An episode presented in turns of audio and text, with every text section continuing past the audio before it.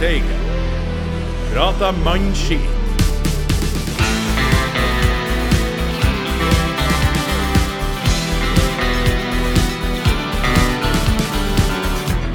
Kom, stig på. Finn fram billetten nå. Alt er klart. Turen skal starte snart. Glimt-toget tar deg med til et rart og spennende sted. Toget drar, himmelen er lys og klar, alt er bra. Vår konduktør er glad når han tar sin mikrofon. Neste stopp er Ja, hva er neste stopp? Er det Conference League playoff? Eller skal Glimt-toget kjøre på videre inn i Europa og knuse all motstand? Det er jo det store spørsmålet for tida. Glimt i Steigen prater mannskitt om alt som rører seg i Glimt. Og i dag så skal vi innom velkomster, avskjeder, treningskamper. Vi har en rykende fersk konkurranse fra Quizman Pat. Og Bjørn Mensverk har dykka dypt inn i arkivet i sesongens første historiske Glimt. Ellers har vi Sasha Boré, legenden Ravna og Dewey Blacksmith Hill i studio. Hei, alle sammen. Hei, hei! Hei, hei, Og vi må jo starte med det aller viktigste først. Eh, Vi må jo markere det her nyeste tilskuddet til Glimt-familien, som spilte sin aller første kamp her om dagen. Sasha Boré, fortell oss om Bodø-Glimt kvinner. Er ikke det kult? Nå er vi i gang. Endelig har Glimt fått seg kvinnelag, damelag. Jeg vet ikke hva som er den korrekte eh, benevnelsen, men vi blir garantert retta på det etter hvert. Um, og de har hatt første treningskamp. De har vært i drift. Det er jo knallkult. Ja, da. Hvordan gikk det i første treningskamp? da? Det gikk uh, bra. De for ned til uh, Abrahallen. Uh, den tror jeg ligger nede i Trøndelag et sted. Og der skulle de spille mot Kiel Hemne. Kyrksæterøra IL. Hemne. Ja. Gamle laget til han Pål André Helland, ikke det?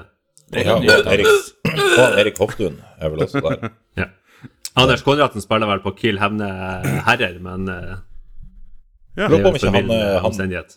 han Vegard Forren også var, var innom Kiel Hemne i sine yngre år. Ja. Men du har vel både Helland og Konradsen signert for Ki- Kiel Hemne den sesongen her? Jeg liker, jeg liker at vi er skal begynne å prate om? Jeg likte at vi skulle begynne å prate om Bodø-Glimt kvinner, og så begynne å prate om hvilke herrer som har spilt på Kiel Hemne. Så hold kjeft, nå er det damer vi skal snakke om. Solid. Ja, Vi må ha referansene på plass. Ja. Greit. det er greit. Eh, men eh, absolutt presise- prestisjetung historie i uh, Kyrksæterøra idrettslag. Uh, Mulla Krekar bodde vel òg der? han gjorde faktisk det. Hæ? Det har jeg ikke fått med meg. Det er helt riktig. Det er riktig. Ja, nei, er Fortsett med analysen. Nei, det er ingen analyse å få herifra, men uh, jeg kan i hvert fall oppsummere at eh, dit dro de. De spilte kamp, og de eh, slo eh, Kiel Hemne 2-1 i sitt første kamp. Så det er ganske flott. Jævlig bra. Det var skåringer av Anna Johansen var det som heter, var det ikke det? Du, nå er du god. Nå er du, nå er du Og Synne god. eller noe sånt. Jeg mener jeg leste at Anna Johansen der spiller en eh, rågod kamp på høyrekanten. Veldig bra. Dere kan jo masse, gutter, om eh, Er Synne det er er det, er det dattera til han eh, Bredemo? Jeg tror ikke det. Jeg tror ikke det. nei. En liten, eh, liten eh, morsomhet. Jeg satt og leste den artikkelen her eh, om den første kampen. Og der står det jo at det er ei anna nykommer, Rikke Nedreås. Ned, Nedreås. Hun er ny i Glimt for i år, og vet dere hvor hun kom fra? Nei, Tromsø? TIL 2020. Siden. Nå har vi- begynt å melke Det blir kanskje feil å si om damene. Vi har begynt å Nei, nei, nei. nei, nei, nei, nei, nei, nei. Ja, det var, det var jo Dere skjønner hva jeg mener. Men du, det kan jo hende spillere fra TIL 2020. Men er hun kjøpt derifra, eller var det noe som, eh, som vi plukka opp fordi TIL ikke ville ha henne lenger? Vi kjøpte henne, sier vi. Vi kjøpte henne. Ja. Det vet vi ingenting om. Det her vet Jeg vet, jeg vet ikke. jeg vet Det står at hun har meldt overgang. Nei, men Dere hadde helt rett. Det var eh, Anna Johansen og Synne Mo som skåra målene. Helt riktig. ja. Uh, og vet dere hvem som eh, trener det her laget? ja Cato Hansen. Er Cato Cato Hansen. Det er helt riktig. Og Stian Teting, ikke Og sant? Stian Teting! Jøss. Det er ekspertise. Men Dette- eh, hvilken divisjon skal vi spille i år? Første divisjon kvinner. Oi, oi, oi. Da blir det jo litt østlandskamper. Det Blir det også blir litt spennende også, for herregud, tenk hvis de klarer å eh, jobbe seg opp mot toppserien etter hvert. Hæ? Ja, det hadde vært noe. Det hadde vært kjempespennende. Uh, uh. Så um, Jeg syns det er kult Jeg synes det er kult at Glimt endelig satser på uh, A, altså A-nivå kvinnefotball. Det syns jeg er ganske kult. Det kan jo hende vi får landslagsspillere der også. Ikke sant? Mm. Ja. Og vi, eh, vi har vel landslagsspiller Ja, lillesøstera til han okay. Jens Petter og han eh, Men ja, vi, vi er jo, vi er jo dypt engasjert i Bodø-Glimt kvinner fra nå av. Eh, så det her blir jo vi å følge, følge tett. Jeg jeg, vil også bare, jeg vil også bare påpeke at vi har allerede en landslagsspiller på det laget. Ja, vi sa nettopp det. Å ja. ja ja, Lise Dissing fra. Danmark. Hun spiller på det danske U23-landslaget. Landslaget. Ja. Ah, ja, ja, Da har vi to. Det er Oi, good oi, oi. facts. Utenlandsproffer og greier. Landslaglaget. Landslaget. Sånn det blir. Sorry. Landslaget. Heter det ikke mer sånn? Landslaget. Lensleier. Leslie? Men du, eh, Sasha. Mm. Du, det er vel det er jo noen etternavn her som uh, vi kjenner igjen fra Bodø-Glimt Ja. eh, herrer. Absolutt. Uh, vi har uh, Hva er et Glimt-lag uten en Berg? Og her har vi da Sara Berg. Et, det er vel etter det jeg forstår dattera til han Runar. Ja, hun har vel, så vidt jeg forstår, også gjort comeback som fotballspiller Ja. for å spille på Bodø-Glimt kvinner. Så det er rått. Og det var det vel ei til som gjorde Var ikke det Tar jeg helt feil hvis jeg sier at det var Tale Hauge? Eller om Mathea Teting, eventuelt? Det vet jeg ikke. Men er ikke et Skjelderup der òg? Det er jo en Skjelderup. Andreas. Helene Skjeldrup. Så eh, det blir spennende. Altså, det er jo nære bånd på alle måter, både med tanke på apparatet som nå er satt til å skal kyndig lede det her damelaget, eh, med Cato Hansen og, og Stian Teting, og også Alex Jensen, som har vært på Glimt 2. Keeper, han er keepertrener for eh, damelaget nå. Og har vært spillerutvikler og Glimt 2 og, og spiller for Junkeren og flere andre lag bakover. eh, masse erfaring, så det blir veldig spennende. Ja, og sjøl så, eh, så eh, føler jeg jo sånn, sånn stegenmessig så åpner det her jo opp mange muligheter til å få flere stedværinger inn på Glimt. Ikke sant? Eh, dobler jo i hvert fall sjansene for det. Det. Eh, og vi har jo store talenter på vei opp her, så Nei, Hva dere tenker om som jævlig supportere, da?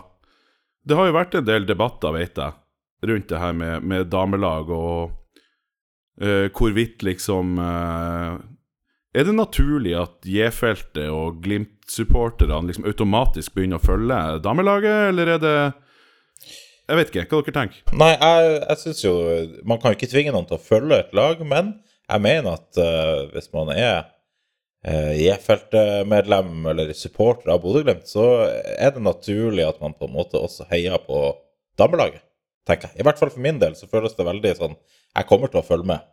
Jeg kommer til å se kamp eh, når jeg, når jeg har mulighet. Og, um, og kommer i hvert fall til å følge med tabellmessig hvordan de ligger an. og så, så for min del så, så føles det jeg kan, jeg kan jo bare prate på vegne av meg sjøl, men jeg vil si at eh, jeg, jeg tror eh, for min del så kommer jeg absolutt til å følge med. Hva du tenker Evna? Jeg tenker vi skal kjøre motsatt av det Tjern har gjort. Tjern gikk ut og sa at eh, nei, vi kan jo ikke følge med på damene, de er jo ikke herrer. Så eh, Var det akkurat sånn de sa det? det var akkurat sånn de sa det. Eller, altså, han, okay. lederen for. Tjern han sa det at nei, nei, vi følger jo bare herrene, vi, vi kan jo ikke følge noen damer. Vi. Så eh, det syns jeg var ganske teit. Jeg ser jo at de Brann-fansen har jo kosa seg moll med de utenlandseventyrene sine. Det har vært jækla artig. Og, men det har vært dyrt Ja, ja. å følge både Glimt herrelaget og damelaget i Europa, så heldigvis er det et år til. Ja visst. Men uh, samtidig Men ja, jeg så jeg, jeg, jeg skjønner jo det, det, Altså Kjærligheten til et lag må jo på en måte bygge seg opp litt naturlig, da. Og jeg skjønner jo at det er mange som bare kanskje forbinder Bodø-Glimt med Bodø-Glimt herrer, at det er det som er laget de har fulgt. Og, og, så jeg tenker at det der må være litt sånn opp til hver enkelt. Jeg tror ikke man skal gå ut og lage noe, noe liksom sånn policy på det for noen som helst, men heller tenke at eh, det er veldig naturlig at mange i E-feltet som har en eh, interesse for Bodø-Glimt og i Glimt i sør og andre plasser, at de begynner å følge med på damelaget. Men jeg tror ikke man skal tvinge frem noen ting som helst. Det fineste her er jo hvis det oppstår en supporterskare som følger Bodø-Glimt kvinner i tykt og tynt, og om det er folk som overlapper med J-feltet eller sånn, men de må jo få sin egen greie, liksom. Ja, så må man jo ikke Jeg håper jo for all del at man ikke havner i det her eh, barnslige skyttergrava som de har gjort nede i Trondheim. Det der med at eh, Altså, det var kanskje sleivete sagt at, at man forventa at Chern skulle møte opp, men altså å begynne å liksom eh, sutre på andre sida at de skal i hvert fall ikke møte opp eh, på Rosenborg Kvinners sine kamper pga. det. Det det blir jo Nei, jeg håper vi eh, støtter Bodø-Glimt kvinner eh, i tykt og tynt, og det skal i hvert fall jeg gjøre. Mm. Amen. Eller eh, Ja. Amen, som det heter på norsk. Så det blir i hvert fall eh, spennende å se. Når er det sesongstart for Bodø-Glimt kvinner, Sasha? Du, første tellende kampen er 17. mars mot Øvrevoll Horsle. Noen som har noe god eh, info om Øvrevoll Horsle å De bidra er fra? Oslo. De er fra, fra De er fra Oslo. Ja, Oslo. ja, ikke så langt fra Carl de Berner. med- ikke der de okay. driver på med galopp? Å ja, Ja. sier du det? Ja, ikke sånn galoppbane der oppe? Det er Ikke peiling. Ja, ja. Nei, det, det blir spennende. Ja, innsikten fra Pat. Men er det hjemmekamp eller bortekamp? Det er jo kanskje det viktigste. Eh, det har jeg faktisk ikke funnet ut av. Nå er det dere som vet det. Så det skal vi finne ut av innen 17. mars. i hvert fall. Men det jeg vet, er at eh, man kan begynne å kjøpe sesongkort til Bodø-Glimt kvinner sine kamper Oi. hvis man ønsker den 12. februar. For de skal spille på Aspmyra. De skal det, etter det jeg har hørt. Deilig, deilig, deilig. Hvorfor starta du det ikke 8. mars? Ja, ikke sant? Nå er du god. Nå er du Ja. god. Ja, Her er det de noen som må på jobb. det med ni dager. Ja, herregud, få det ut. 8. Ja. Vent litt, det var 12. Ja, få Det var 12. kvinnfolkene ta jobb på 8. mars. Har du et nytt segment som du bare kan gå kjapt over til? Jeg ser poenget. Ja. Nei, nei vi, får, uh, vi får følge det her tett. Det blir eh, jækla spennende. Jeg skal kjøpe meg en Bodø-Glimt kvinnedrakt, i hvert fall når jeg har opparbeida meg litt man boobs. Um, Hvordan skal du se forskjell på om det er kvinne eller en, en herredrakt? det må jo være hvordan det er sydd, skulle man tro. Litt større over Å ja, det var et spørsmål. Det hørtes ut som oppsparket til en eller annen vits. Ja, nei, jeg- det, var, det var et spørsmål. Ja, ok. Du skal vel ha berg bakpå da, antar jeg. Så, så, blir, så blir det komplett uh, umulig Ja. å vite. Ja. Ja, nei da. Eller Change on, change on Stig skal være på. Ja. Ok. Eh, nei, men eh, dere, på herjesiden så skjer det jo også veldig masse, naturligvis. Eh, det begynner jo å nærme seg med stormskritt, denne eh, kampen mot Ajax. Og den siste tilskuddet i Glimt-familien, eller den hjemvendte sønnen, det er jo Jens Petter Hauge. Og du, som uh, vår uh, fotballekspert, eh, hva kommer vi til å få fra Jens Petter Hauge nå som han er Glimt-spiller igjen? Ja, nå fikk jeg litt sånn déjà vu-følelse her. Jeg er ganske sikker på at vi prata om dette sist, men um, jeg Ja, det var jo kun i teoretiske ordelag siden han ikke var klar. Ja, det er klart, det er klart. Men jo, forhåpentligvis, altså Det som eh, på en måte har skjedd med JP, er vel at han ikke helt har eh, Det er uforutsette ting som har skjedd, som har gjort at selvtilliten ikke er helt eh, der den var når han dro. Men jeg tror er det én plass han kan få tilbake spillegleden og selvtilliten, og bare det å kose seg med fotball igjen, så er det jo i Bodø, i trygge omgivelser og med gode folk rundt seg, og folk som er glad i han, og som han er glad i. og Da tror jeg vi kommer til å få se en Jens Petter Hauge som eh, gjør det angrepet vårt bedre. For han er, han er så god, på en måte. Han, han har det her eh, siste avgjørende i angrepssituasjoner. Han har ofte en smart pasning eller en god avslutning. Eh, Så når han er i form, så er han definitivt eh, med på å forsterke det angrepet som helhet. Han er jo ikke Amal Pellegrino, men i, sam, altså i, i samspill med en trio der, så kan han absolutt være med på å få den trioen som helhet til å være meget god, tror jeg. Det er bare å gå inn og så se sånn skåringsvideo fra 2020-sesongen, så kan man jo se eh, magien fra Jens Petter Hauge. Men eh, til dere som så eh, pressekonferansen da han kom eh, Jeg reagerte jo litt på at det var ikke akkurat en eh, sprudlende eh, og overlykkelig Jens Petter Hauge som satt på podiet. Har han Nei. noen vært så sprudlende, da? Nei, det det Han, han, han, hadde, han hadde jævlig gøy i 2020-sesongen når Vålerenga kom og han ble intervjua etter kamp og sånn. Så når han Ja, men det er vel liksom i kampens hete når han full adrenalin. Altså, utenom det så har han jo aldri vært sånn Nei, jeg husker Nå så jo ikke jeg det her eh, intervjuet helt sånn med en gang, så, så min inngang til det var jo at Ruben hadde fortalt meg at å Jeg leste bare i chatten at å, Hauge han så ikke veldig glad ut, liksom. Så jeg var jo forberedt på en pisse sur Jens Petter Hauge på pressekonferanse. Så når jeg så den pressekonferansen, så tenkte jeg han ser nå egentlig helt vanlig ut. Det er jo ikke noe fra Ja, eller til. det er også det, det er også. Han smilte til og med litt. så, så, eh, så jeg tenkte ikke så mye over det, egentlig. Jeg tenkte mer at eh, han er sikkert litt eh, Litt eh, sliten. Det er sikkert mye som har skjedd de siste dagene. Har reist opp til Nord-Norge. Sikkert mye eh, styr med å få i stand ei leilighet og diverse. diverse. Han har vel kanskje noe hus. Kanskje han har flytta litt. Hvem vet hva som Hadde ikke han en foregått. fett dyr leilighet oppe i bryggerigården, eller hva det var? Det var noen artikler om her for en stund siden. Ja, han har stor Han måtte vel sikkert bære opp noen sånne vaskemaskiner. Ja, ja, ja, det er Han må jo flytte stress. inn igjen. da. Ja, for eh, jeg hørte jo på den siste episoden av eh, vår favorittpodkast Studio Glimt, og der var det vært spekulert i at han hadde ei årslønn på en 15-20 millioner, så han har vel råd til, eh, til å leie en, en plass i Østbyen, skulle man tro. De har jo visstnok også blitt for mye puling i Glimt i det siste, så kan det hende han har slitt seg ut der òg, hvem vet. Det er bra vi får, bra vi får Klammakongen tilbake, da. Det er blitt for mye Ja, puling i Glimt i det siste. Ja. Ja, de mente det i Studio Glimt, at det var for det? mye Ja, for mange ja. som hadde fått unger, eller som var på vei til å få unger. Ja, sånn, ja. ja, sånn. Jeg tror det var det de mente. Så det var egentlig bare en, en litt dårlig, usmakelig spøk som uh, bare glapp ut der. Det var ikke meninga. Men ja. Nei, men, eh, men med Jens Petter Hauge ut, så eh, vil det jo også ha det Har i hvert fall åpenbara seg at det betyr at Amahl Pellegrino forlater Bodø og sette kursen mot uh, Sunny California uh, på en toårskontrakt med San Jose, som de vel eh, het. Earth, earth, earthquakes. Men det er vel Ja. Er det ikke HC? Eh, ja, hvis man er, hvis man er innfødt. Ja, hvis man er amerikansk, så er det jo San Jose. Ja. Ja. Ja, Men, kjær, kjær, kjær klubb har mange navn. Ja.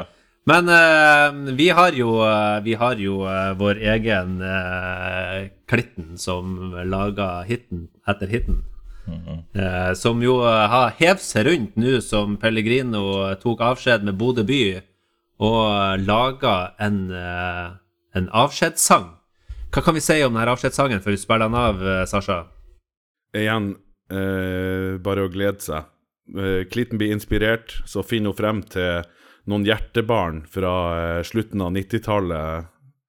Og eh, da er det jo ikke eh, verken et sete eller et hjerte som eh, er tørt. Nei, det går ikke an å si. Det blir helt feil. Hjertene skal ikke være Jeg satt, og venta på hvor du skulle trå i salaten her. Ja, ja. Jeg satt og venta og gleda meg. Øye, øye. Det, det, det er jo eh, ordentlig på sin plass at Pelle får en avskjedssang. Og det her syns jeg har, hun, eh, Klitten har truffet blink. Mm. Og det er jo veldig nydelig før at vi skal uh, drøfte mer om Pellegrino, så skal vi få en ordentlig nydelig hyllest signert Klitten Stageline. Du er vår stjerne, du frøys på tærne i sol. Skal du bo vår pellegrino, det svir at du far, men vi skal være her for deg. Hvis du vil hjem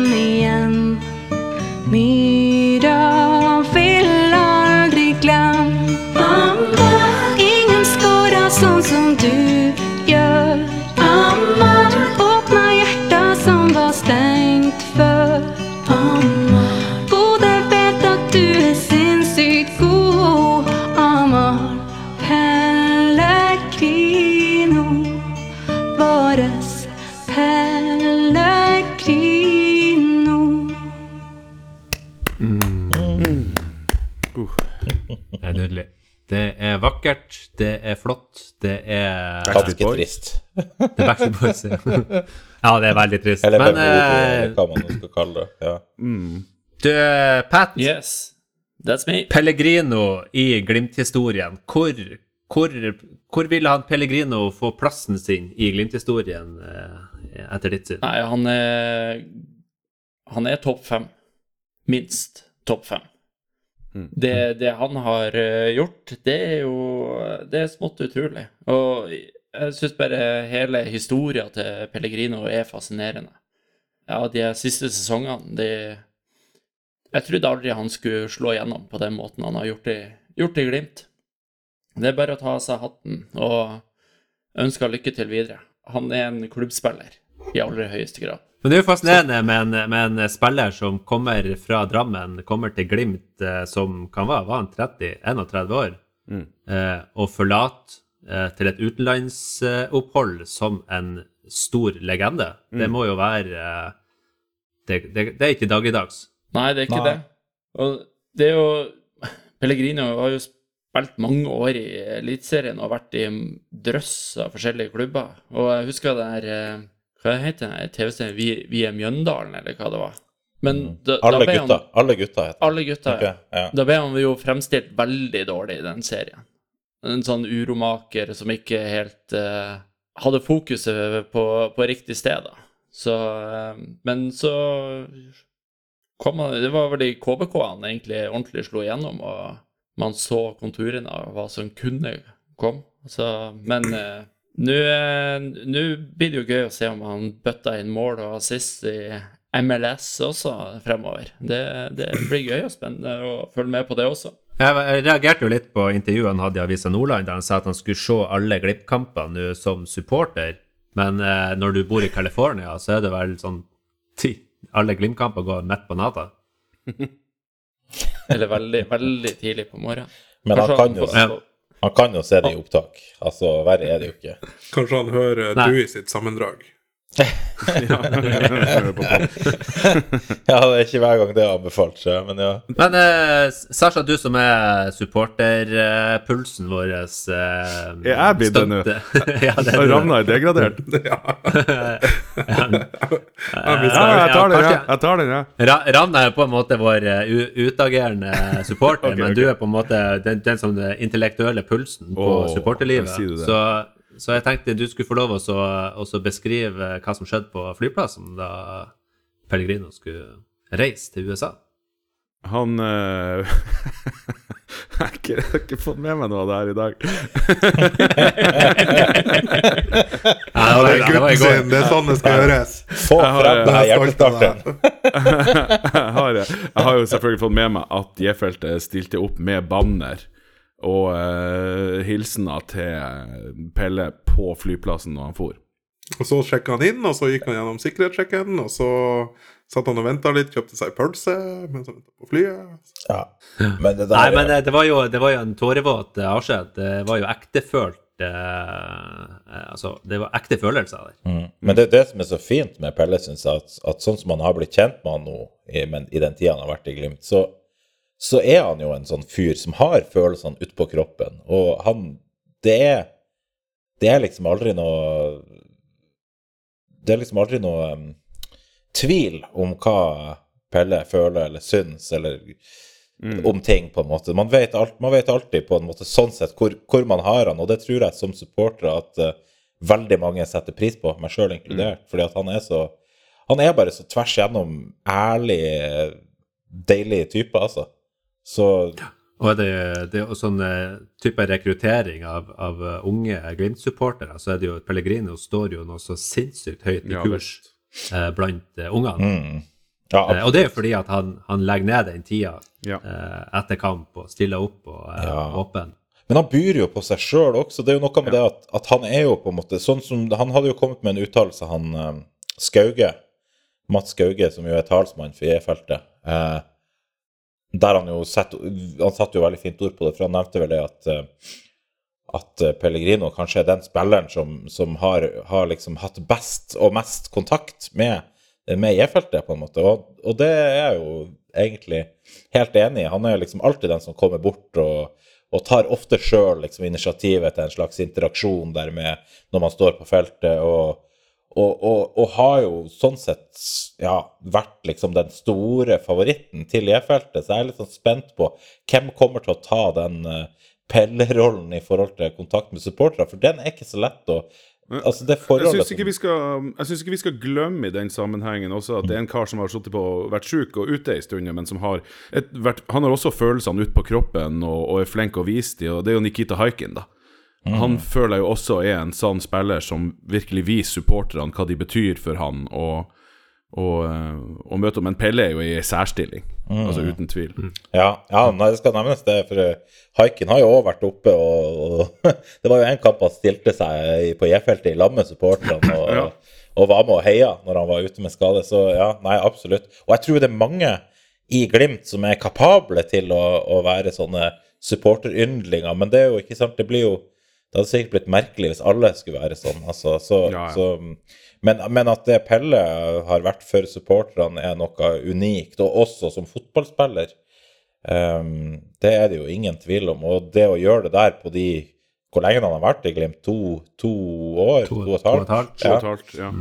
Og det å være to og et halvt år i en klubb, og så spille seg inn, som eh, Pat sa, på en kanskje en topp fem-liste over, over eh, liksom Glimt-legender, det er faktisk nesten helt uhørt. Uh, Ja, det er så- Ja, det er Ja, og faktisk de, det. de, andre, de, de andre fire på den lista der er vel bodøværinger, skulle man tro. Eller i hvert fall nordlendinger. Ja. ja, også der er han jo i særstilling. Altså, hvor mange er det som kommer som ikke er fra Nord-Norge, og som oppnår på en måte den statusen? Mm. Han er jo liksom uh, Altså, vi har jo, vi har jo eh, Det nærmeste jeg kommer, er jo liksom Ulrik Saltnes, men han er jo fra Brønnøysund, så han er jo han er jo nordlending og har jo vært så lenge i Bodø at han nesten kan regnes som bodøværing. Så, så, så av andre folk som har liksom kommet langveisfra, så er det jo kun Ville Letinen som på en måte Nei da. Men, men um, Nei. Han er, det, altså, han er øverst på kultlista, i hvert fall. ja, ja det, det er han kanskje. Men jeg blir å savne Pelle, altså. Fordi at han Ja, han er bare så rett fram, deilig, nydelig fyr. Så mm. Og en fantastisk fotballspiller som bare gjør helt syke ting. eh, på en ukentlig basis, nesten. Så Men altså, vi har jo, vi har jo en, en André Teit eh, som har jo kommet med noen eh, bredsider mot Pellegrino eh, innimellom, og han har jo frustrert eh, flere eh, tilskuere også med at han på en måte Ja, han, eh, han gjør de magiske tingene, men så kan han være usynlig i 80-85 minutter, eller ha, ha perioder med formdupp der han er helt usynlig. Ja. Kjell Knutsen har jo gitt han tillit uansett, og det har jo vist seg å være en, en, en genistrek. mm, Men uh, Men eh, nå får vi jo kanskje inn han, en, en artist på en litt annen måte med Jens Petter Hauge. Så kanskje ikke Han sa vel Pellegrino at eh, Glimt var i trygge hender med Evjen og Hauge inn. At uh, ja da, vi blir savnet savne Pellegrino og den han var, men sånn sportslig sett så er det jo uh, Kan jo godt tenkes at vi, uh, vi får veldig masse moro på venstrekanten allikevel. ja da. Det tror jeg ikke det er noen tvil om at det blir veldig spennende å følge laget sånn nå fremover på, med tanke på det som skal skje angrepsmessig. Men det er klart, Pelle og Jens Petter er jo to veldig forskjellige spillere, selv om de liker å være i den samme eh, kantposisjonen. Men, eh, men det er klart eh, De tilbyr to forskjellige ting. eh, og, og, og det tror jeg egentlig er fint. Det hadde vært verre hvis vi hadde fått en, inn en som var lik Pelle, men bare ikke like god som Pelle. Det hadde vært, eh, det hadde vært verre. Da er det bedre å få inn en annen ving som er helt forskjellig, men som kan tilby noe annet. For da tror jeg det er lettere å på en måte komme seg videre. Jeg føler, jeg føler at det her på en måte sier at, eh, at Glimt er god på det her med å bygge lag og spillelogistikk. Kan vi konkludere med det? Ja, Det tror jeg. jeg er så søkkimponert. Det her overgangsvinduet her jeg er så søkkimponert over det de holder på med. Mm. Det er så bra, altså. Ja, Det bringer meg jo litt videre her til neste punkt i programmet. med, altså Nå har vi jo meldt inn en europatropp eh, til kampene mot Ajax. Og det er jo kanskje litt underkommunisert. Skulle vi gå videre etter playoffen, så er det jo denne eh, troppen som blir å spille videre òg. Og der eh, var det jo ingen store eh, overraskelser sånn sett. Eh, det er vel Gundersen og Evjen og Hauge inn. Og Omar El Abdelawi og Kasper Høeg var ikke med. Det kom ikke en ny keeper med Egil Selvik inn. Det betyr vel at med mindre Nikita Haikin blir frisk på rekordtid, så er det Faye Lund som står. Men Sasha, først og fremst så, så har jeg lyst til å høre fra deg. Eh, i og med at Omar El Abdelaue er utelatt fra europatroppen Han eh, var ikke med til Spania nå. Ja. Er det, fa er det fare at eh, Omar El Abdelaue blir solgt før Sasha Boré har gjort ferdig Omar-sangen? Eh, eh, Ja. ja, altså Skal vi være helt ærlige her, så er det jo selvfølgelig en risiko for at det kan skje. Men jeg tenker også at vi gjør lurt med å kule han litt. jeg tenker bare sånn rent sånn eh, Vi skal jo ikke bedrive noe humor på spillere som kjemper for å komme seg tilbake i tropp sin bekostning. Det syns jeg ikke er verdig, og det på en måte fritar meg for litt arbeid, da. Jeg Så tenker, eh, jeg tenker jo det her handler mer om at Hvor lang tid tar det å få ferdig den låta? Sant? Det er jo mer det. Er ikke det? Ja, altså, det kommer et lite drypp her at Det er bare et år igjen til han har, har, har kontrakt, holdt på å si. ja, ja, ja. Og det kommer fram at Vålerenga var nær ved å signere han før de eh, røkka ned til Obos-ligaen. Ja. Vålerenga røkka ned til Obos-ligaen. Ja, stemmer. De røkka jo ned i fjor. Ja. Ja, så de skal spille Obos-ligaen. altså. Og dermed, dermed ble det ikke noe avtale med Omar. Men det betyr jo at eh, Omar er på en måte up for sale, Ja. eh, skulle man tro. Men, men hvis det rette tilbudet kommer. jeg syns kanskje mange tillegger det her utrolig stor vekt. Men nå skal vi jo tenke på det at for det første vi møter et av sånn historisk sett Europas største klubber.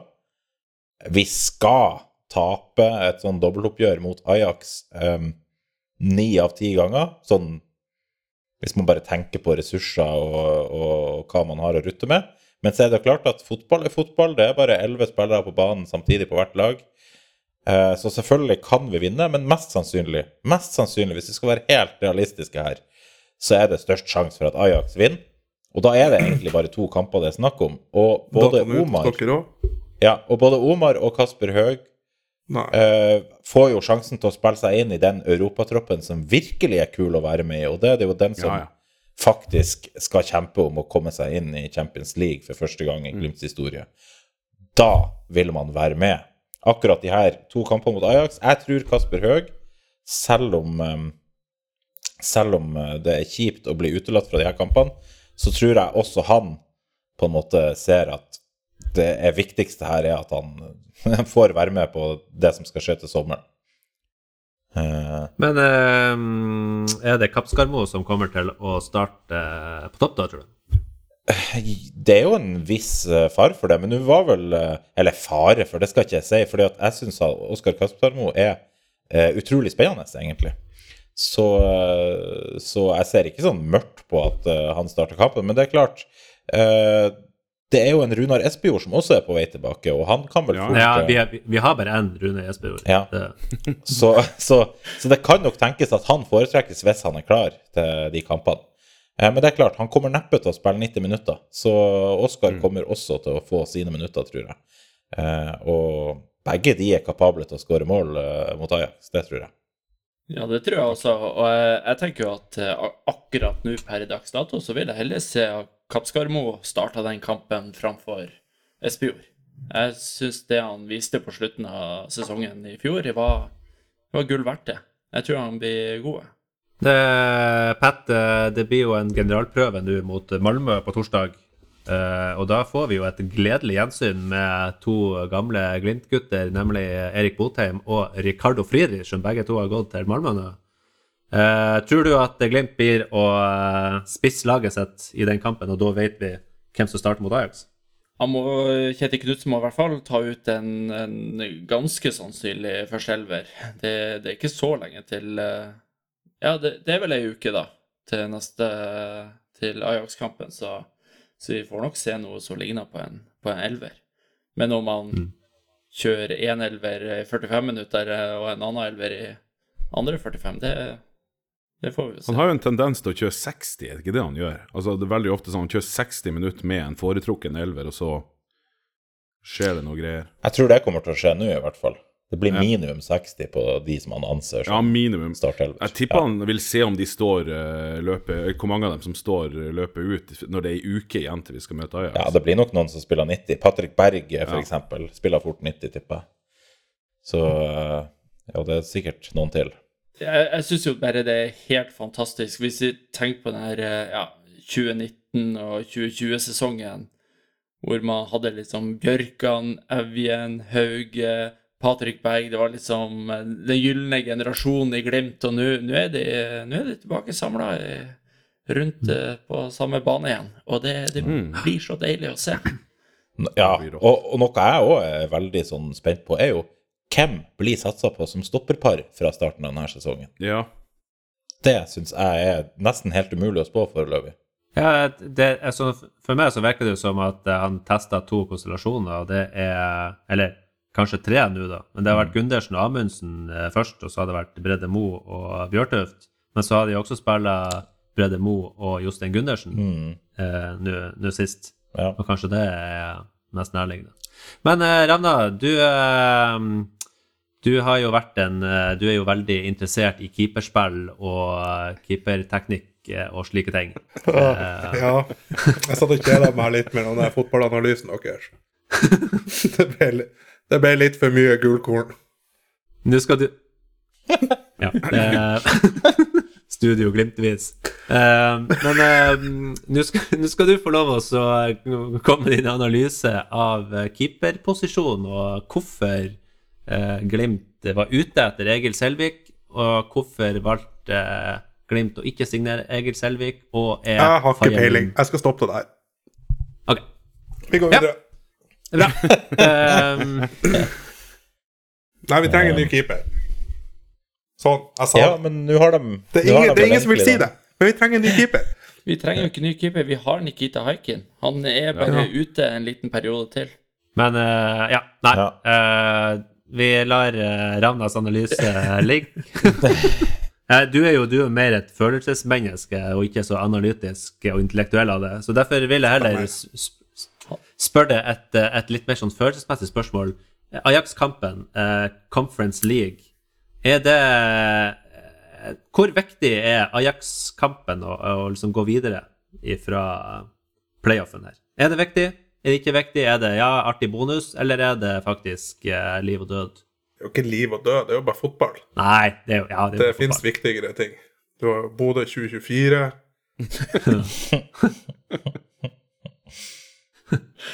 Ja, det flere på? Var det mer eh, på Det lista? Det er viktigere, det, ja.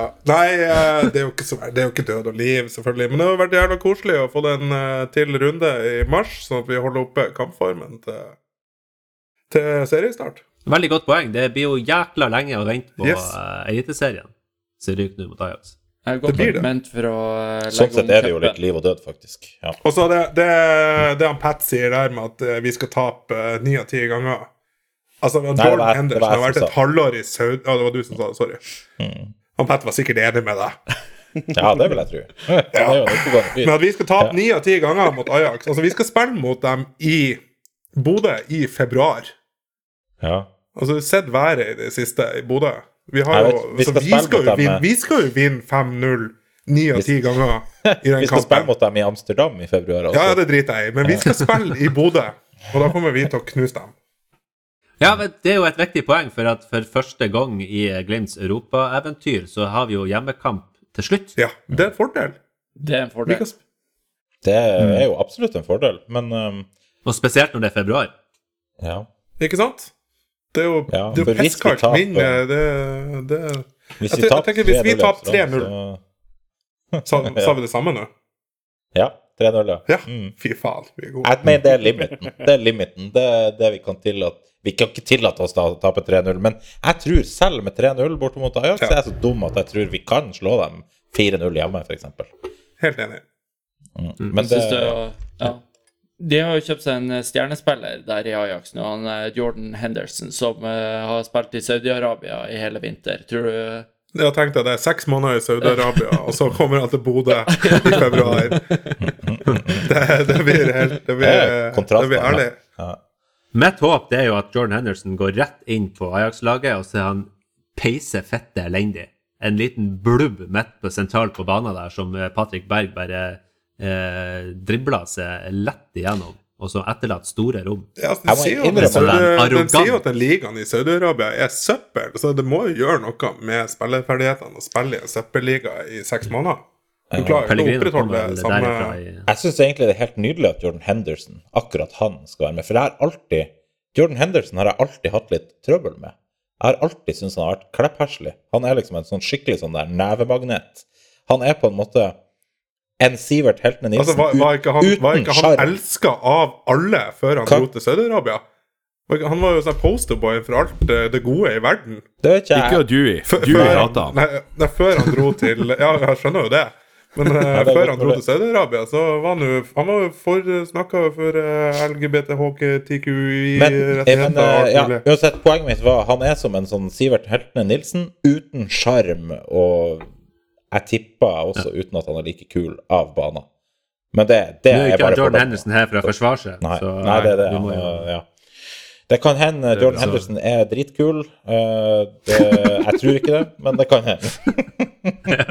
det, ja, det fins en sjanse. Men jeg håper Nei, han men, blir tofotstakla på Aspmyra Av en, av en, av en annen. Ajax-spiller. ja, ja. Eh, men eh, Pat, du skal jo i kjent stil reise eh, på bortetur. Det skal jeg. Jeg gleder meg. Nå har jeg ikke, Ja. jeg har ikke vært på bortetur i Europa siden jeg og Ravna var i Poznan. Så det begynner å bli en stund siden. Det, det er akkurat et år siden. Det er akkurat et år siden. Er det et år siden? Ja, det Ja, ja. blir jo fort det. I helvete. Ja. Tida går. Posten har, posten har så vidt begynt å komme seg. Ja. det, så. Så så snakker vi ikke mer om Poznan. Heldigvis, heldigvis er Ajax et mye dårligere lag enn Poznan, så Ja. Ja. Hvorfor skal vi eh, ikke snakke mer om posten? Poznan, Pat? Og for, for, Postmann for, Pat. for, Poznan, Pat. Det var det som var, det var, det, var det som var vitsen! Nei, men eh, vi kan vel, eh, vi kan vel røpe såpass at det kommer en, eh, en fullblods Ajax-episode før uh, kampen neste uke. Så vi skal bedekke den kampen behørig, som jeg sier. Jeg oppdaga jo uh, tidligere i dag at det hotellet jeg skal bo på i Amsterdam, ikke Jeg, jeg har ikke toalett på rommet mitt. Så det Det var bare en vask. Eh, jeg prøvde jo å få med Kodvåg på, på samme hotellet, men han uh, sto over når han ikke kunne ta fyllebæsjen sin der, så Ja, det skjønner jeg godt. Det, Men eh, har du sett hva oppgraderingsmulighetene er på hotellet ditt? Ja, liksom- da kunne jeg oppgradert til et firemannsrom med delt toalett. OK. ok Men eh, da tenker jeg at vi lar det sportslige være det sportslige, og så skal vi endelig ja. Det, sportslige være det den usportslige. siste diskusjonen Ja. her. Ja. I kjenstil. Ok, det er ikke uten grunn at vi kaller oss eh, for en mannskittpod. Men eh, vi har jo eh, Pat i studio, som dere har hørt, og han er jo vår eh, egen eh, briljante quizmaster, så derfor kjører vi bare i gang spalta! Quizmann Pat, quizmann Pat, still noen spørsmål som ikke er lett. Hvem var gift med Lydia? Hvem hadde klamydia? Ja, Pat setter fast panelet hver en gang. Gruveslusken Pats quizspalte. Pat, du har jobba hardt og lenge med den her, har jeg forstått. Ja, eh, det har jeg. Og eh, på, på forhånd kan jeg innrømme at uh, dagens quiz er er mannskitt-quiz. Eh, jeg, jeg, nei, men jeg er ikke så, jeg er ikke så, jeg, jeg er ikke så fornøyd med quizen sjøl, og jeg er litt eh, van, Jeg er vanskelig for å tro at dere klarer quizen. Men hvis det er mannskitt-quiz, så har jo Ravna kjempesjans. Ja, kanskje. Eh, Men jeg holder en knapp på, på, på Dewey. Han, okay. han det er tar en det sånn meste. quiz. Ja, på en måte. Ja, men, eh, ja. men jeg, kjører, jeg kjører en vri på han i dag. Det, det skal være det, det, Vi skal spille Jeopardy. Oi! Ja. Så vi må, vi må, vi må, vi må Vi må, svare som vi må svare er. Er Sånn, ja. Jeg skal, jeg skal gi noe info, og så skal dere eh, svare med hva er. Hva er ja. Ok. Og eh, temaet for i dag er fotballfilosofi. Jeg tar for 400, takk. Herregud. Ja. Ja, hva er temaet i dag? Veldig bra, Ruben. Veldig bra. OK. Ja, er det sånn at du, har, du, du sier Jeopardy. Er det sånn at du har fem spørsmål? Etter hvert 200, etter hvert 400, etter hvert 600, 800 og 1000? Har du dobbel Jeopardy? Ja, det kan vi jo legge inn. Ja, nydelig.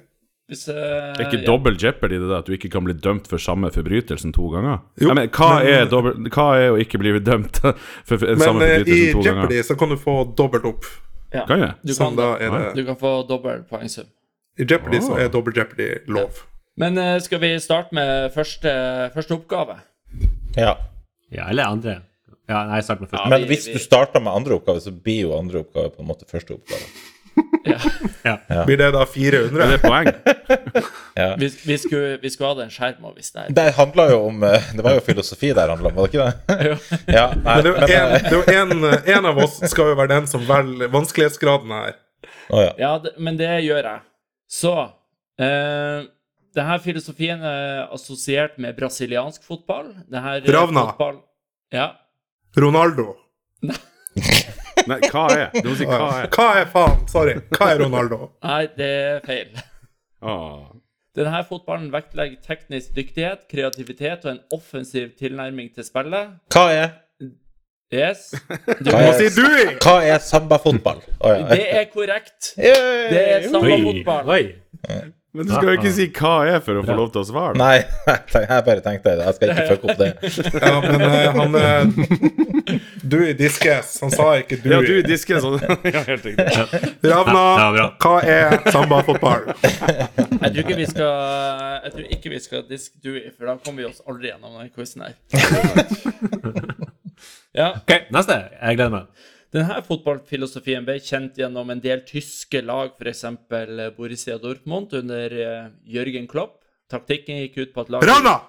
Ruben! hva er Ja. gegenpress? Ja, det er korrekt! ja! Men jeg kan eh, ta og lese resten av teksten her. Eh, Var det en taktikken- dobbel jeopardy?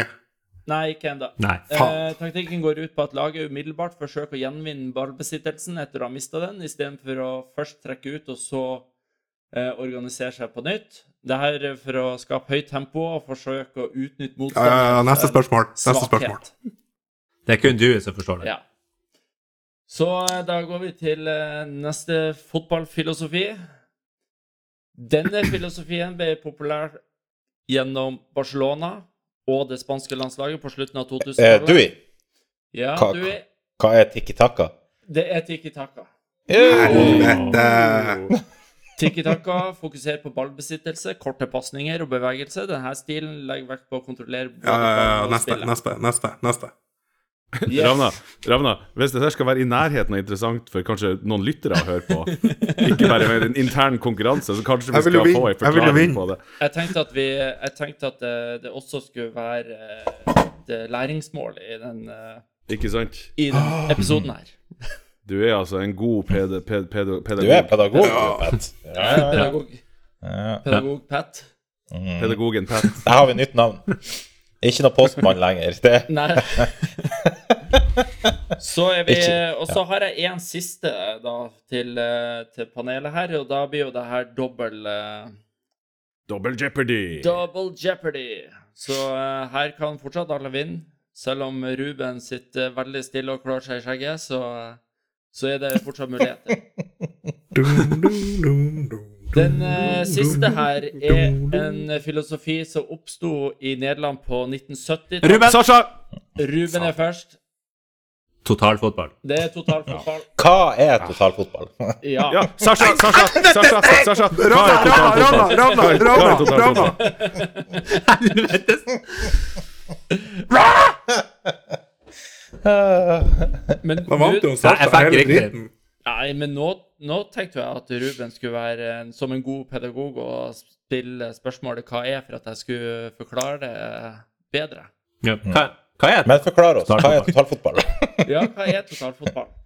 Eh, denne uh, spillestilen er jo prega av uh, høy grad av fleksibilitet, og det er jo det her som kanskje skiller seg mest fra de andre. Og der spillerne roterer på posisjoner, deltar aktivt både i angrep og forsvar. Hovedideen bak totalfotballen er at enhver spiller kan ta over rollen til en lagkamerat, noe som skal skape en dynamisk og uforutsigbar fotball. Jeg, jeg tror ikke den hadde gått i dag. Mm. Ikke sånn totalfotball man så på 1970-tallet. Uh, Du har rett, Pat. Det var en ræva quiz. Ja. jeg syns det- det, var fin. Jeg synes det var fin. Ja, Men jeg savna boll. Boll eh, Ball. Boll, boll, Ja, boll. godfot- godfotteorien. Og godfotteorien, ja. ja, ja. Ja, nei, men boll er mer interessant. eh. Jeg har også noe til lytterne. Dere må eh, minne meg på igjen. Hvor mange seriemesterskap har Bodø-Glimt? Tre. Eh, tre. Elleve. Ja. Mm. Hva er tre? Hvor mange har Tromsø? Teller Har vi, har vi, ikke med de nordnorske? Null. Hva er null? Hva er null? Nei, vi, vi tar ikke med det i nordnorsk. Vi har hatt en quiz om det tidligere. Men Ja. eh, dagens eh, lyttespørsmål er så enkelt, eller så vanskelig, som at Nevn de spillerne som har vært med og vunnet alle de tre seriemesterskapene i, i Glimt. Uh. Oi. Artig. Så det Vil vi gi et hint om uh, hvor mange de Nei. er, eller skal vi bare la det stå? Vi lar det stå. La den stå. Men eh, det, som, det som skjedde i eh, romjula, folkens, det var jo det at de aller, aller fleste som ble lova ølbrikker i konkurransene fra 2023, fikk de i posten etter iherdig innsats eh, fra vår egen Sasha Boré. Yes. Så det betyr at eh, nå er vi eh, Skal vi være eh, quid pro quo, og det betyr at hvis det er noen som ikke har fått Ja, ajour. Mm. Eh, og hvis man ikke har fått, så er det jo bare å gi beskjed. Jeg tror ikke det er det quid pro quo betyr. Quid pro quo, Det det er er jo riktig. Ja. Det Det, er det er jo eh, en, gjen, en tjeneste, en gjengjeldelse. Tja, skuls. Vi, er- vi har sju. Vi skylder Ja, vi skylder ingen Nei, ja. noe. OK, ok, det kan jeg. Ja. Er ikke Det det noe jeg. jeg, jeg trodde det var ikke, ikke kom og utfordre meg på språklige spørsmål. Ja, da er forbanna. Jeg blir forbanna. Jeg trodde quid pro quo var summen du betalte for en billett med bandet Status Quo. Oi. OK, skal vi komme oss på eh, sporet igjen her? Okay, okay. Uh, ja, Men Ruben, da er det jo sånn at Ja. Hvordan, Ja. eh, hvordan får de her lytterne tilgang på Ja, det var det jeg skulle, det var det jeg skulle si nå. At uh, hvis dere svarer riktig, så er det jo selvfølgelig ølbrikker på spill her. Og da må man svare enten på Twitter, på DM der, Facebook-melding der, uh, mail gridstegen at gmail.com. Eh, dere kan oppsøke Ravna på Stormen og brølsvare i ansiktet på han. eller, eller så finnes det postkasser på alle nærbutikkene i Steigen kommune. Eh, så det er bare å sende svar, og så trekker vi vinner når det passer oss. Det er vel sånn det har blitt. Ja. Ja. Nei, men eh, Hjertelig takk, Petter. Du er altså et uh, unikum når det kommer til konkurranser. Pedagogen Pat. Det blir ny, ja. blir ny intro. Og PP. Du kan bli postmann igjen når Ragna får seg dame. vi, skal, vi skal legge ut eh, en egen sånn her Patreon der man kan betale for å høre eh, fotballforedragene til eh, Hva var det du sa du var? Pedagogen Pat. Pedagogen Pat. Ja. Ja. Riktig. Så det er bare å følge med. Ok, nei, men uh, supert. Da skal vi haste oss videre til eh, neste og siste segment, og det er noe vi har gledet oss til i hele 2024. Det er nemlig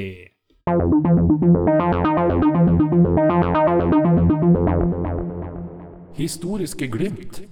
Ja, da er Bjørn Mensverk kommet inn i studio, og eh, du er jo nettopp kommet ut av støvete arkiver, og du har en ordentlig godbit til oss igjen. Eh, ja, som alltid så er jeg her med en eh, liten eller middels eh, godbit.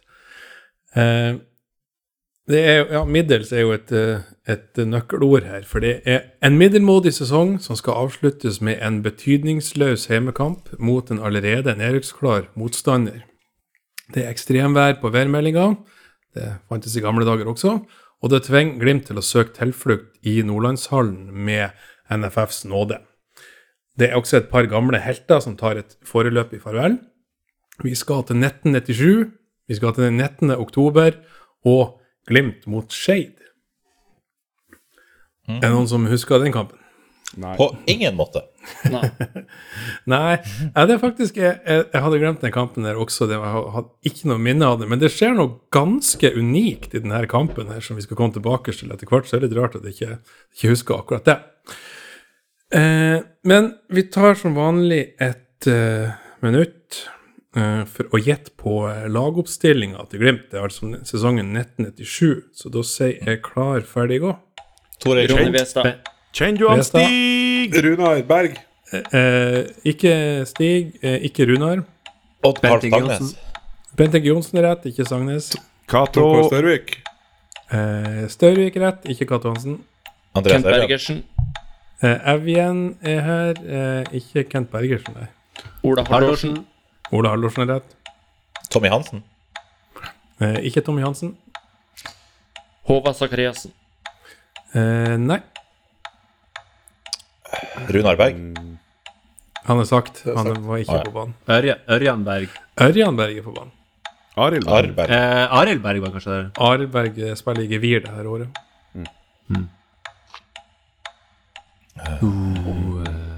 Tøft. Hvor mange har vi? Hvor mange har vi? Fire, fem? Eh, fem? seks Bengt. Sæternes. Marius Dybendal. Nei, hva, Ikke- Marius Bullerud. Nei, Eirik Ikke, Dybendal. ikke Seternes eller Dybendalen. Mm, der var minuttet gått. Bjørkan helvete, det minuttet var Dårlig. Nei, Bjørkan var faktisk ikke på banen. Eller oppstillinga bærer jo litt preg over at det er en betydningsløs siste serierunde, da. Jeg med. Lee Robertson. Der har du faktisk Du, du skal få Lee Robertson. Du skal få Lee Robertson, for han er faktisk på banen der. Eh, men for å ta førsteoppstillinga, da, så er det Ronny Westad i mål. Eh, Ole Hallorsen, Bent Inge Johnsen, Tom Kåre Størvik, Andreas Evjen i forsvar. Midtbanen er Tor Micaelsen, Ørjan Berg og 19 år gammel, pur ung Christian Berg. Og helt fremst finner vi da Lee Robertson, som sagt. På motsatt kant har vi Jan Derek Sørensen. Og som midtspiss Perra, Per Ivar Steinbakk. Å, dæven.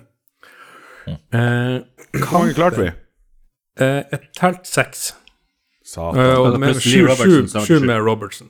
Vi er dårlige i 2024 så langt, gutta. Det her er jo langt under uh, Ja, men det er bra å ikke starte på topp, da. Kampen endte jo da 4-1 til Glimt. Starta litt dårlig med forsvarstabbe fra Tom Kåre Sørvik, som gir ballen til Freddy Dos Santos, som spiller på Skeid denne sesongen, og skårer 1-0. Men etter det så er det enveiskjøring. Eh, Christian Berg utligna sitt første eh, eh, A-lagsmål for Glimt, før da Jan Derek sørger for 2-1, Tom Kåre Størvik 3-1 og Tor Micaelsen 4-1 når vi har runda 60 minutter på, på klokka. Og det er da det skjer det her som er litt uh, unikt. Eh, bakgrunnen her er at det er Ronny Westad sin siste kamp for Glimt før han setter kursen mot Bergen og Brann, som skal bli den nye arbeidsgiveren hans.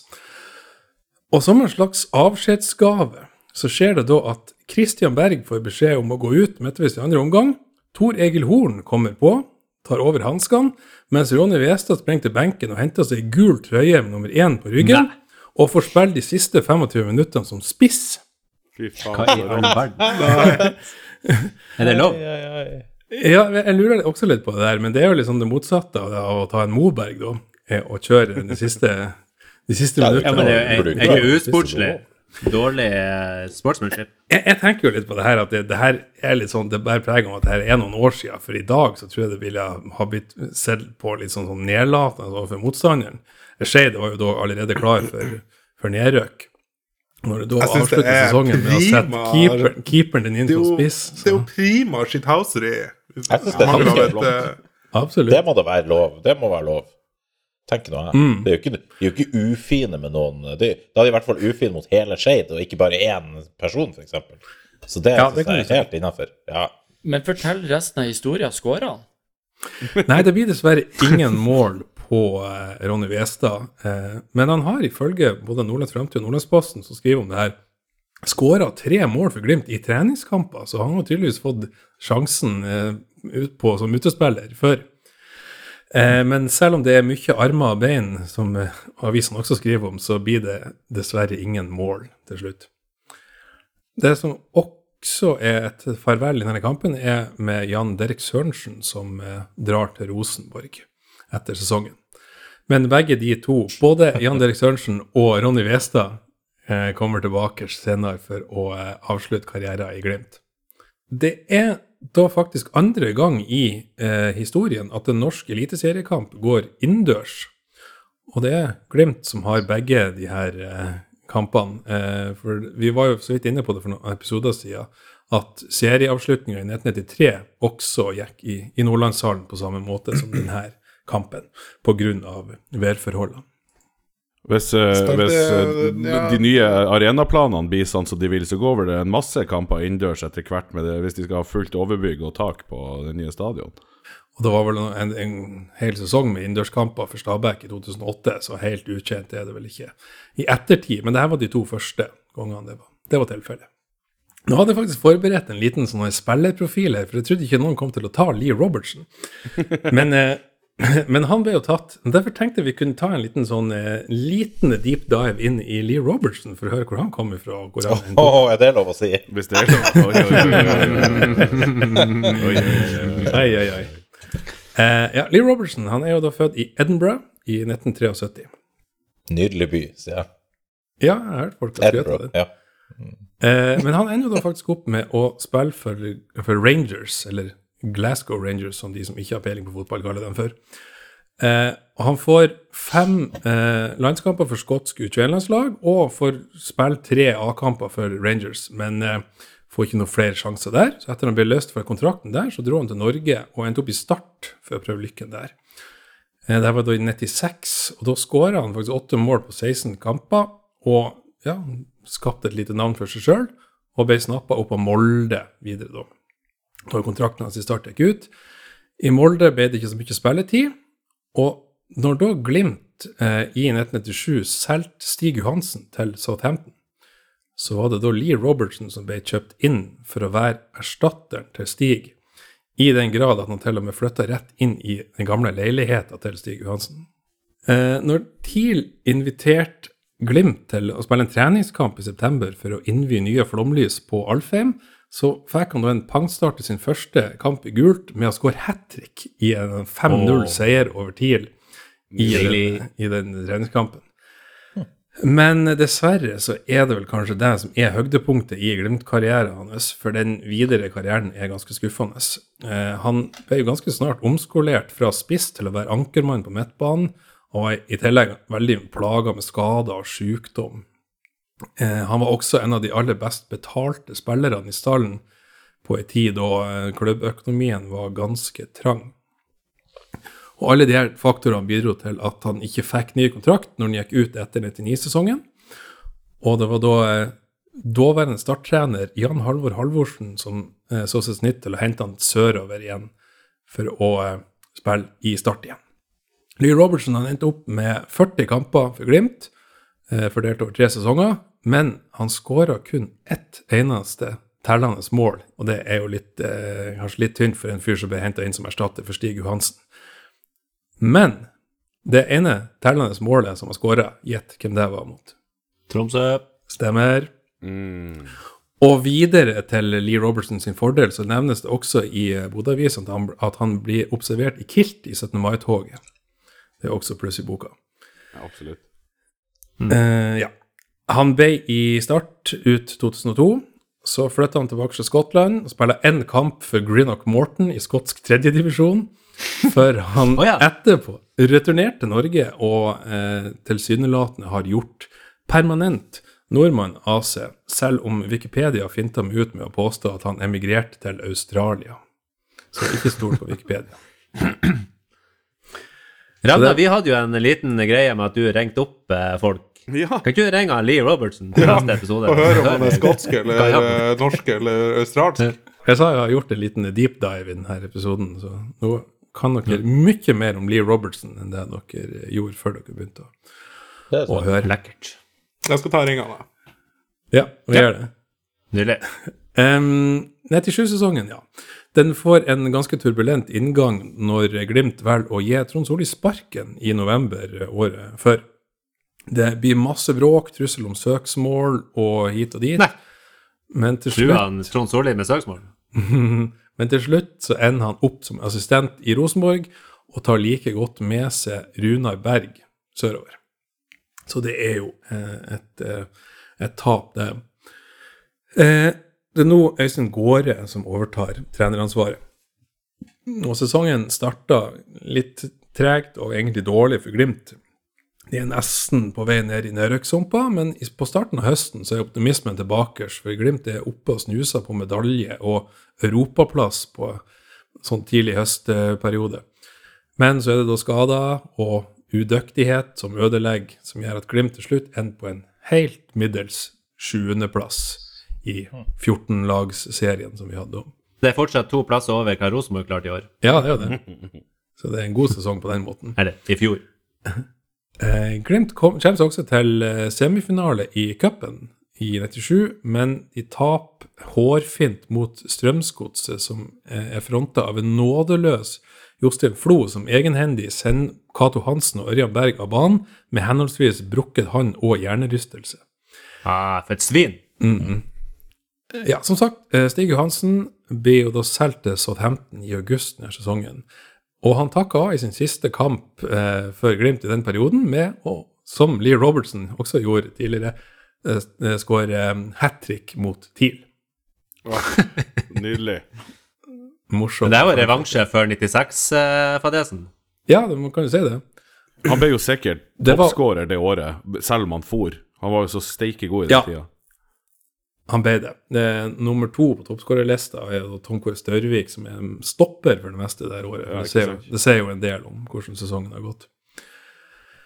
Eh, og um, ja, i eh, en av Bodø-avisene blir Ørjan Berg spurt om hva er årets lyspunkt i sesongen, og så trekker han fram at det er den gode stemninga som har vært i Glimt i år. Så det tyder jo på at det er lite sportslig å glede seg over.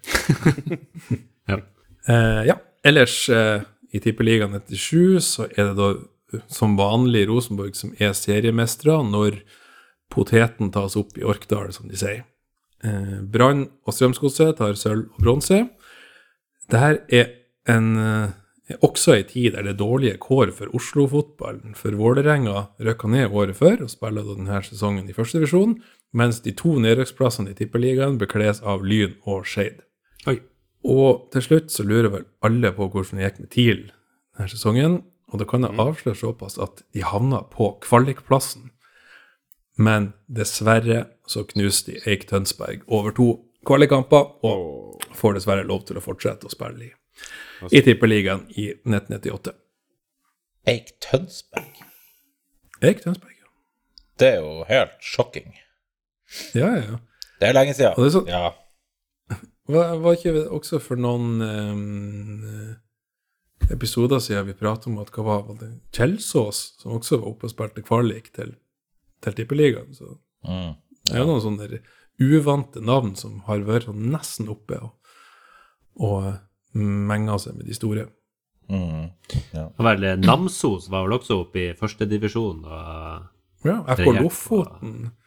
ja, det er Ikke at de var i nærheten av kvalik, men de hadde jo en sesong der med ja, Ulf Kamitz, han som eh, var lurer på om det var Hans Jørgen Andersen.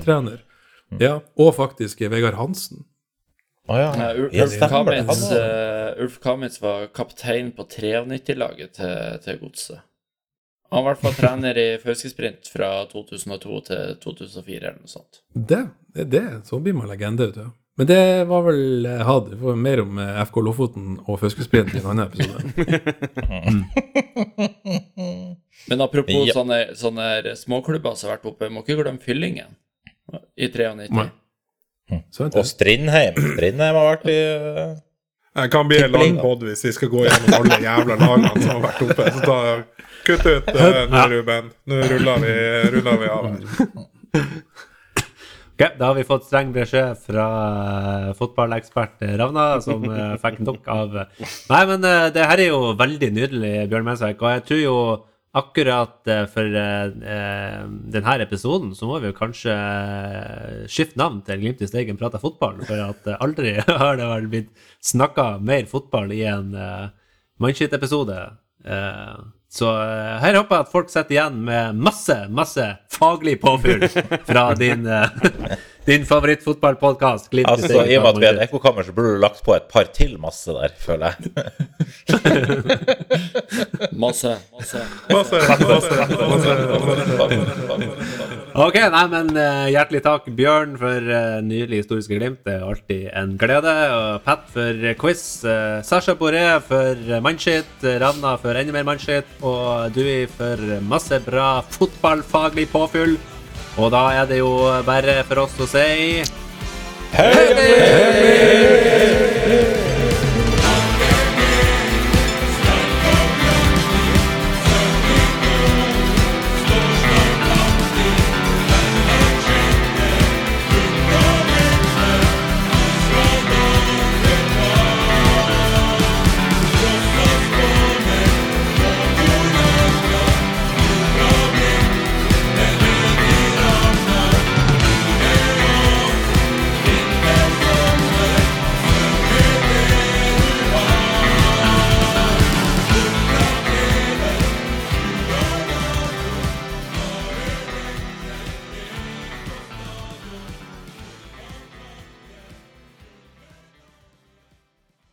var noen ting som var så eh, ned i rabbit-hullet, hvis det er lov å si, at jeg ikke gidder å si det. Men i notatene mine så står det her at eh, eh, Lee Robertson Når jeg sjekka litt opp om han, sånn karrieren hans i Skottland, så fant jeg ut at eh, barndomsklubben hans var Salvesen Community Football Club. Altså Salvesen. FC Salvesen i Edinburgh. Og det syns jeg var sånn snodig. Hvordan, hvorfor har de, har de det? Når begynner å grave meg bakover i historien, så viser det seg at Salvesen, eller Salvesen, er et sånn byggefirma som hadde bygd en sånn housing estate, sånn som de har i, i, i, i Storbritannia. Og derfor hadde de kalt opp eh, det eh, fotballaget etter det byggefirmaet. Og så viste det seg at byggefirmaet egentlig var et gammelt hvalfangstselskap. Som hadde, som hadde endra fagområde, da, men som var grunn, grunnlagt av en norsk fyr som emigrerte eh, til Skottland fra Mandal på 1850-tallet. Se der, ja. Å, dæven. Ja, det her er jo helt rått. Det Ja, her det er, er, bli- er, det det er easter egg. Ja, det er easter egg. Fy faen. Rått.